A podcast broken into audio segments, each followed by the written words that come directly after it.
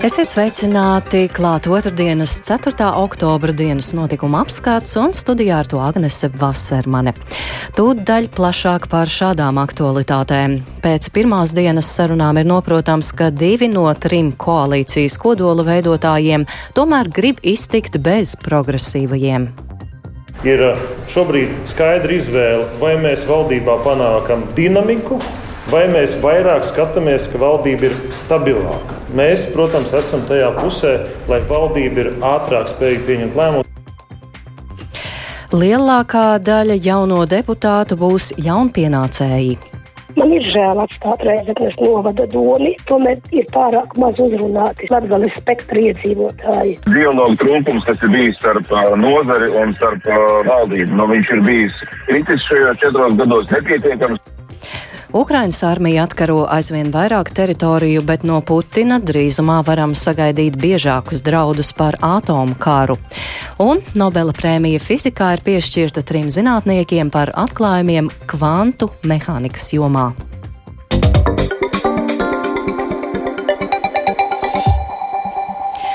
Partija apvienība jaunā vienotība par nākamās valdības koalīcijas veidošanu pirmo reizi tikusies ar apvienotā saraksta un Nacionālās apvienības pārstāvjiem.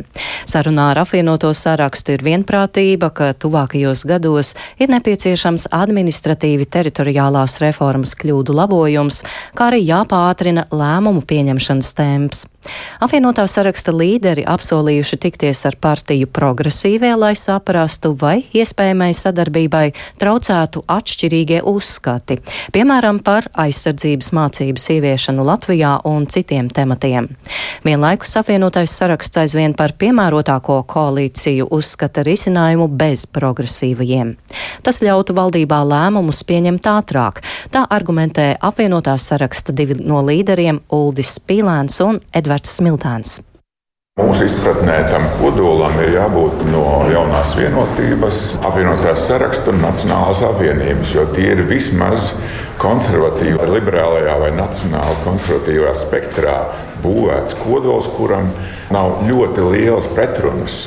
To savu programmu virzīt cauri laikiem, cauri krīzes laikiem vienā virzienā ar progresīviem ir ievērojami savādāk. Ja? Kā to var savietot, mums patreiz ir grūti saprast. Tad koalīcija 54 balsis nenozīmē ka tas ir tikai četru balsu pārsvars. Patiesībā tas nozīmē astoņu balsu pārsvaru pret opozīciju. Ir uh, šobrīd skaidra izvēle, vai mēs valdībā panākam dinamiku, vai mēs vairāk skatāmies, ka valdība ir stabilāka. Mēs, protams, esam tajā pusē, lai valdība ir ātrāk spējīga pieņemt lēmumus, lai viņa ir dinamiskāka un stabilitāte ar 54 balsīm ir pilnīgi pietiekama, lai mēs varētu īstenot arī tās nepieciešamās lietas, kas krīzē jādara. Nacionālā apvienība uz tikšanos ar jaunās vienotības sarunvežiem ieradās ar norādēm par nepieciešamiem uzlabojumiem latviskuma stiprināšanas jautājumos, demogrāfijas mērķiem un īstenošanas pasākumiem, kā arī energoresursu pieejamību krīzes apstākļos.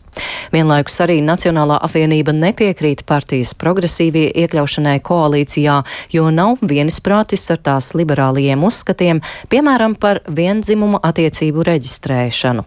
Tur turpina Nacionālās apvienības līderis Raivis Dzintars. Ja mums ir atšķirīgi viedokļi par to, kādu koalīcijas modeli veidot. Nu, tas nav noslēpums, tur nebūs nekā jauna, ko pateikt. Nacionāla apvienība redz, ka tas būtu trīs partiju koalīcija. Sadarboties ir iespējams arī ar opozīcijas partijām. Jautājums ir, kurš veido koalīciju, kas ir ministru kabineta sastāvā. Tā ir, tā ir normāla praksa parlamentā, ka opozīcijas partijām tiek uzticētas komisijas vadības. Jā. Un neizslēdz, ka tas var būt arī šajā saimē. Jaunā vienotība aizvien uzstāja, ka plašāka koalīcija ar vismaz 60 balsīm ir nepieciešama, lai arī nākamā valdība varētu nostrādāt visu pilnvaru laiku. Tomēr šīs dienas sarunās par koalīcijas apjomu pavērsienu nav. Partiju tikšanās turpināsies trešdien ar jaunās vienotības un progresīvo sarunu. Nākamās saimas sastāvā apmēram divas trešdaļas deputāta būs jauni, un liela daļa no viņiem ir bez iepriekšējas deputāta pieredzes. Līdz ar ievēlēšanu saimā izmaiņas būs vairāku pašvaldību domju sastāvā. Plašāk par to Jāņa Kīņša sagatavotajā ierakstā. Attīstībai par konservatīvie un saskaņa 14. saimā nebūs pārstāvēti. Tāpat arī daļa pie frakcijām nepiedarošo deputātu. Savukārt jaunās vienotības pārstāvniecība pieaugs būtiski, tāpat ar jaunpienācējiem saimā nāks gan progresīvie, gan apvienotais saraksts, gan partijas stabilitātei un Latvija pirmajā vietā. Izmaiņas saimnes sastāvā būs ievērojamas. No vietvarām uz parlamentu pāries daudzi pašvaldību cilvēki. Saimā ievēlēti Salaspils domas priekšsēdētājs Raimons Čudars un Kuldīgas novada domas priekšsēdētāja Inga Bērziņa no jaunās vienotības saraksta un Siguldas novada mērs Uģis Mitrevits no Nacionālās apvienības. Apvienoto sarakstu saimā pārstāvēs tagadējais Ādažu novada domas priekšsēdētājs Māris Sprindžuks, kurš jau pirms 20 gadiem ir bijis Tautas partijas frakcijas deputāts.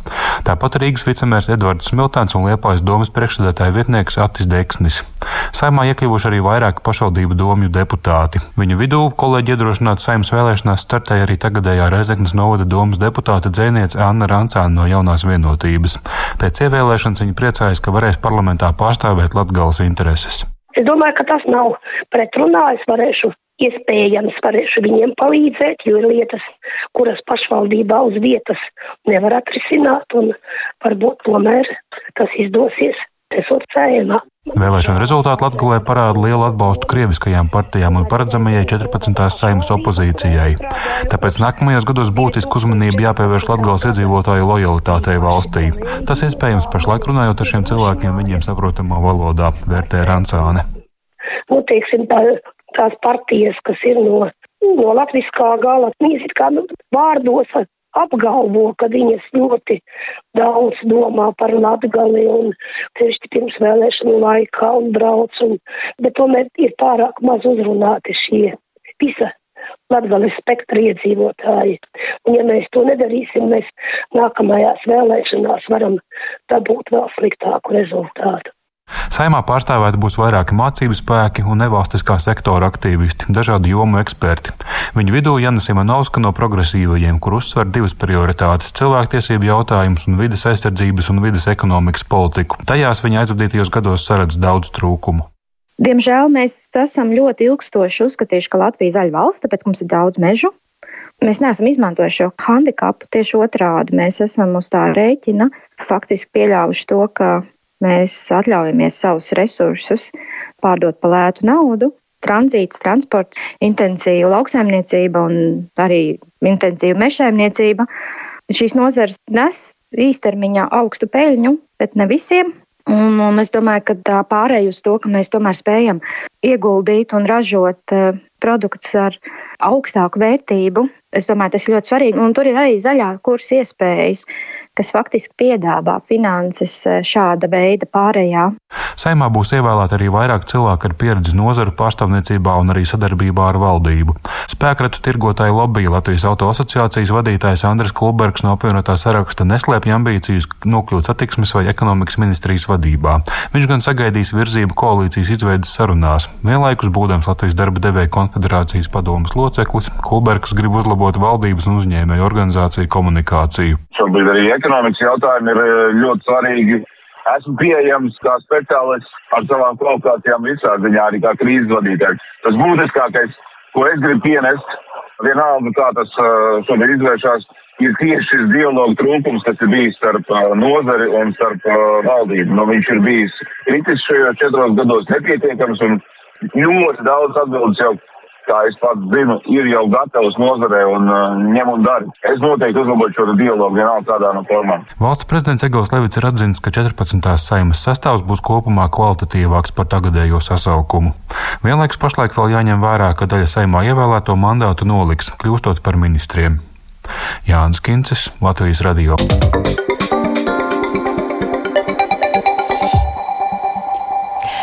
No oktobra iedzīvotāji pašvaldībās var pieteikties pabalstam par malkas, granulu un brikešu izmantošanu apkurē. Galvaspilsēta pirmajās dienās saņēmusi jau daudzus simtus pieprasījumu, no kuriem vairums ir par malku bez čeka.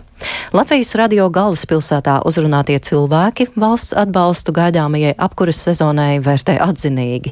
Vairāk Viktora Demidova veidotajā ierakstā. Vairums no šiem uh, iesniegumiem ir par 60 eiro vienreizējo pabalstu malkai. Un salīdzinoši retāk pie mums klātienē ir uh, ar, ar čekiem un uh, pavadzīmēm par granulām, briketēm un arī malku. Jā. Tā atzīmē kāda darbiniece Rīgas apkaimju iedzīvotāju centrā Brīvības ielā, kas ir galvaspilsētā viena no pieprasītākajām vietām, kur rīznieki klātienē piesakās valsts kompensācijai par nopirkto cieto kurināmo. Lai gan pieprasījums ir liels, viesošanās laikā pieteikties bija ieradies tikai viens cilvēks, kurš atteicās sniegt komentāru. Savukārt galvaspilsētas ielās uzrunātie cilvēki apkures sezonu gaida ar bažām, tāpēc atbalstu vērtē pozitīvi. Diezgan dāsns, un tad jau skatīsimies. Bet, nu, tie pabalsti nu, būtu jādod cilvēkiem, kas tiešām nonāks nu, tādās nopietnās grūtībās, nevis pēc kaut kāda algoritma, kad nu, it kā visiem pienākās un tad nu, to dalīsim. Protams, vērtēju pozitīvi, ja kompensēs. Nezinu, cik šogad maksās apkūra. Laikam būs dārgāka, jo gāze kļūs dārgāka. Es uzskatu, ka tas ir apsveicami. Nu, ir jāpalīdz saviem cilvēkiem. Par malku, kas nopirkta šovasar bez čeka, varēs saņemt vienreizējo pabalstu 60 eiro vērtībā, un tam jāpiesakās līdz novembra beigām.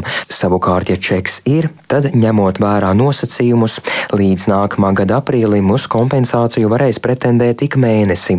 Savukārt par granulām un briketēm tad valsts kompensēs daļu no izmaksām, kas pārsniedz 300 eiro par tonu. Ja ir gāze vai centrālā apkure, atbalstu valsts piemēros automātiski saņemtajos rēķinos. Savukārt tie, kas māju apsilda ar elektrību, pieteikumus pašvaldībā varēs iesniegt no novembra. Par cieto kurināmo Rīgā pirmajās dienās saņemti jau 600 pieteikumu, turpina pašvaldības klientu atbalstu un metodikas pārvaldes priekšniece Anna Marija Melni. Šobrīd es domāju, ka tā tendence bija paredzama ka tāds pieplūdums varētu būt un varbūt pat lielāks. Nu, šobrīd viņš ir tā mēreni izkārtojās pa dienām. Viņš nav tā, ka pirmajā dienā ir tūkstots un pēc tam viens, divi. Ja? Es domāju, ka tie ir pagaidām normāli. Atbalstu varēja saņemt 30 darbdienu laikā pēc pieteikuma saņemšanas, taču jāņem vērā arī nianses. Turpina Melni. Tas robežu šķirtne, tas malkai 40 eiro par kubikmetru un granulām un briketēm 300 eiro par tonu ir bez pievienotās vērtības nodokļa. Un tas, to mēs redzam šobrīd pirmajā dienā saskaroties ar cilvēkiem klātienē, tad, kad sākam ievadīt informāciju, tad izrādās, ka tomēr tas pabalsts nepienākās, jo ja sarēķina summu bez PVN, tad viņi ir zem 300 eiro. Iesniedzot pieteikumu, ir jāpierāda, ka mājai ir konkrētā veida apkure. Viktors Demidovs, Latvijas radio. Gaidāmajā apkuras sezonā valsts iestādes, kā arī citi uzņēmumi plāno taupīt, tostarp daļa cer ieviest attālināto darbu. Kas šādā gadījumā jāievēro un kādi ir viedokļi, to Par to interesējās Linda Spundiņa. Attālinātais darbs, pārciešot pandēmijas ierobežojumus, daļai strādājošo kļuvusi par normu.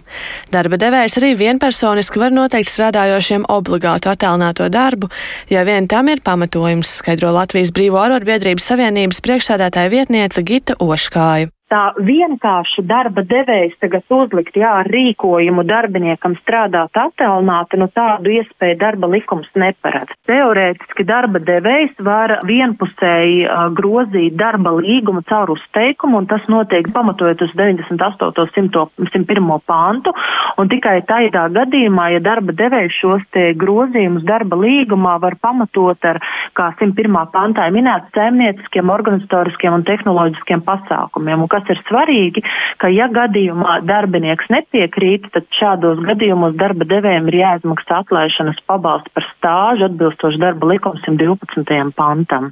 Darba likums paredz, ka darba devējam ir jākompensē izdevumi, kas radušies strādājot no mājām, ja vien abas puses nav vienojušās par citiem nosacījumiem. Latvijas darba devēja konfederācijā stāsta, ka strādāšana no mājām energoresursu taupības dēļ nesot īpaši izplatīta, vismaz pagaidām. Likums paredz, ka darba devējs var darbiniekam izmaksāt mēnesī 30 eiro kompensāciju, ko neapliek ar nodokli. Šī norma likumā iestrādāta līdz šī gada beigām. Latvijas darba devēja konfederācijas darba tiesība eksperts Jānis Pumpiņš norāda, ka regulējums būtu jāpārskata. Ir jāpārskata šis regulējums, jo tas ir iestrādāts kā pagaidu raksturs uz šo gadu un ir jārada pastāvīgs regulējums. Tas ir viens. Otrs ir um, iespējams jādomā par uh, šīs kompensējušās normas palielināšanu. Šobrīd ir 30 eiro, kas attiecīgi neaplieks ar algas nodokli. Nu, būtu domāt, ka jāpalielina arī šī. Nu, tas priekšlikums bija uz 60 eiro, kas bija arī tādā sākotnējā projekta izstrādes stadijā. Valsts darba inspekcijai nereti nākas konsultēt iedzīvotājus jautājumā par attālināto darbu, sevišķi par izdevumu kompensēšanu. Iestādes klientu atbalsta nodaļas vadošā juriskonsultante Laura Akmentiņa atgādina, ka darba devējs ir atbildīgs arī par darbam nepieciešamā aprīkojuma nodrošināšanu. Vienlaicīgi vēršam ir uzmanību uz to, ka darba devējiem ir pienākums atlīdzināt tikai tos izdevumus, kas ir objektīvi pamatoti. Nu, piemēram, darbiniekam ir jāspēj pamatot, kāda tad uh, daļa no elektrības kopējā patēriņa ir radusies tieši saistībā ar attālinātā darba veikšanu. Valsts darba inspekcija šogad līdz septembra beigām kopumā saņēma vairāk nekā 2000 iesniegumus. No tiem tikai astoņi bija saistīti ar kompensācijām strādājot attālināti. Tikai vienā gadījumā pārkāpums apstiprinājās, darba devējiem piemērojas sodu. Linda Spundiņa, Latvijas radio. Tuvākā mēneša laikā varētu pastiprināties Krievijas kodola retorika, brīdina Latvijas aizsardzības ministrija. Turpinoties Krievijas militārajām neveiksmēm, tās nepamatoti sāktajā karā Ukrainā, publiskajā telpā aizvien vairāk ir un būs novērojama kodola šantāžas retorika, uzsver aizsardzības ministrs Ērtis Pabriks no attīstībai par. Nu, es domāju, ka mums ir vienkārši mm, sabiedrībai jāatgādina un jāinformē, ka tuvākā laikā pārklāsies e, diva tipa ziņas, vai viņas varētu pārklāties, jo parasti Krievija veic savus gadskārtējos e, kodola manevrus, kas nozīmē, nu, pārbaudi savos kodola spēkos. Tas parasti notiek oktobrī oktobrī, novembrī, un ņemot vērā, ka ir bijusi vienmēr arī šī pati retorika arī kara apstākļos, tad vienkārši, lai neraisītu papildus bažas sabiedrībā, mēs gribam saulēcīgi pateikt, ka, ja kaut kas tāds notiek, tad tas ir jāņem vērā šajā kopīgajā kontekstā. Ne tikai kara apstākļi, bet arī šie te manevri, nu, teiksim, nesauksim tos par manevriem, bet mācības, jo manevrēšana jau īsti nenotiek. Eh, tā kā tas būtu svarīgi sabiedrībai zināt, un, eh, protams, ka ir svarīgi arī, ka mēs jau um, nedzīvojam ar uh, aizspiestām ausīm un aizvērtām acīm. Protams, ka visi NATO sabiedrotie arī ļoti rūpīgi seko tam, kas notiek Krievijā, kas notiek uh, Krievijas kodolspēkos, kāda ir pārvietošanās, un, ja ir nepieciešams, tad, protams, arī uh, eksistē komunikācijas iespējas eh, Maskavai un Kremlim norādīt, ka NATO un sabiedrotie zina, kas tur notiek un tam seko. Tā kā, nu, ja gadījumā tiek atkal kāda provokācija um, informatīvajā plāksnē veikt no Krievijas puses, lai sabiedrībai tas nebūtu pārsteigums. Tikmēr Ukrainas karaspēks turpina uzbrukumus valsts dienvidos. Visticamāk, Ukrainas armija vēlas atgūt strateģiski svarīgas teritorijas Hersonas tūmā, lai pārrautu Krievijas armijas apgādes ceļus. Rietumā amatpersonas saka, situācija esot mainīga, tomēr konflikta toni šobrīd nosaka Ukraina. Jaunāko apkopojas Artjoms Konohovs. Ukrainas armija turpina aktīvas kaujas, lai atgūtu jaunas teritorijas valsts dienvidos. Informācijas par notiekošo ir salīdzinoši maz, un Ukrainas amatpersonas pagaidām atturas no plašākiem komentāriem. Helsonas apgabals bija viens no pirmajiem, ko izdevās ieņemt Krievijas karaspēkam. Tas notika jau februārī. Tomēr pēdējā laikā Ukrainas armija ir atjaunojusi centienus atgūt šo teritoriju. Lai nomierinātu vietējos, Maskavas ieceltais Helsonas apgabala vadītāja vietnieks Kirills Stremausovs sociālajos tīklos paziņoja, ka panikai nesot pamata. Stremausovs piebilda, ka viņu artērija un iznīcinātāji trāpa ienaidnieku spēkiem, kuri mēģinot iekļūt Krievijas teritorijā. Kā zināms, lielākā daļa starptautiskās sabiedrības neatzīst Helsonas apgabalu un citu Ukrainas teritoriju neseno pievienošanu Krievijai. To apsveica tikai Ziemeļkoreja. Maskavas spēki šobrīd kontrolē aptuveni 80% Helsonas apgabala. Rietumu amatpersonas uzskata, ka līdz pat 20 tūkstošiem krievu karavīru varētu tikt ielenkti, ja Ukrainai izdosies veikt savu uzbrukumu. Kā zināms, nedēļas nogalē Ukraiņas armijai ir izdevies atgūt kontroli pār Limanas pilsētu valsts austrumos. Rietumu izlūkdienas dati liecina, ka krievu karavīri bija pametuši šo pilsētu par spīti pavēlēm palikt un cīnīties. Tiek arī pieļauts, ka tālāk uz austrumiem varētu būt izvietotas Krievijas karaspēka vienības, kuru galvenais uzdevums ir apturēt savu aizbēgušo karavīru turpmāko pārvietošanos. Jāpiebilst, ka Krievijas aizsardzības ministrs Sergejs Šoigu ir paziņojis, ka Krievijas armijas rindas ir papildinājuši 200 tūkstoši mobilizēto personu. Tas ir tikpat daudz vīriešu, kā pēc oficiālās statistikas ir aizbēguši uz Kazahstānu. Šoigu apgalvo, ka šobrīd mobilizētie tiekot aktīvi apmācīti, tomēr arvien vairāk informācijas parādās, ka jaunie karavīri tiek nosūtīti uz Ukrainu gandrīz bez jebkādas sagatavošanās un atbilstoša ekipējuma vai ieročiem. Pēc eksperta domām tas varētu izrādīties izšķirīgi ziemas mēnešos. Jo bez pienācīgām ziemas drēbēm, pārtikas un ieročiem mobilizētais karaspēks nebūs motivēts doties kaujā. Turklāt par zemo kaujas garu Krievijas armijā tiek runāts jau ilgstoši. Arcums Konakovs Latvijas Rādio Briselē. Rumānijas prokuratūra veikusi kratīšanas Krievijas koncernam Gazprom pastarpināti piedarošā uzņēmumā. Vairākus kompānijas darbiniekus tur aizdomās par slepenas informācijas izpaušanu. Turpina Arķems Konohaus. Rumānijas prokuratūra ir veikusi kratīšanas Serbijas degvielas nozares uzņēmumā Nispetro, ko kontrolē Krievijas enerģētikas koncerns Gazprom.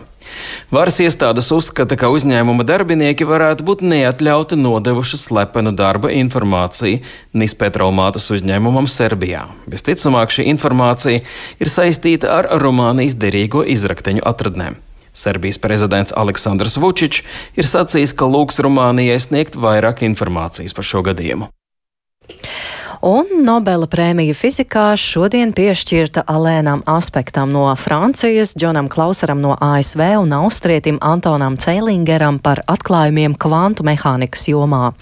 Uzrunā Nobela komiteja norāda, ka fiziķu darbs ir pavēris ceļu jaunai tehnoloģijai, kas balstīta uz kvantu informāciju. Pēc uzvarētāja paziņošanas komiteja uzrunāja arī viens no laureātiem Antons Cēlingers. Quantum teleportation uses features of entanglement. Kvanta teleportācija izmanto kvantu sapņojuma īpašības. Tas nav kā Star Trek filmās vai tam līdzīgi. Kaut kā transportēšana pilnīgi noteikti nenozīmē personu pārvietošanu. Taču, izmantojot šos kvantu sapņojumus, ir iespējams pārvietot visu objektu pārnēsāto informāciju uz citu vietu, kur objekts atrodas. Faktiski tas nozīmē radīt to no jauna, un tas ir izdarīts. Un ir kāda pārsteidzoša īpašība. Jūs varat pārnest informāciju, nemaz par to nezinot. Līdz šim tas ir panācis tikai ar ļoti mazām daļiņām, un pilnīgi noteikti ir absolūti neiespējami domāt par lieliem objektiem. Taču tas ir fundamentāli svarīgi, pārnesot informāciju varbūt starp kvantu datoriem for transferring information uh, maybe between quantum computers. Un, kā ir teikts Nobela komitejas paziņojumā, trijotne tika pagodināta par eksperimentiem ar savērptiem fotoniem, atklājot Bela nevienlīdzības pārkāpumu un atklājumiem kvantu informācijas zinātnē.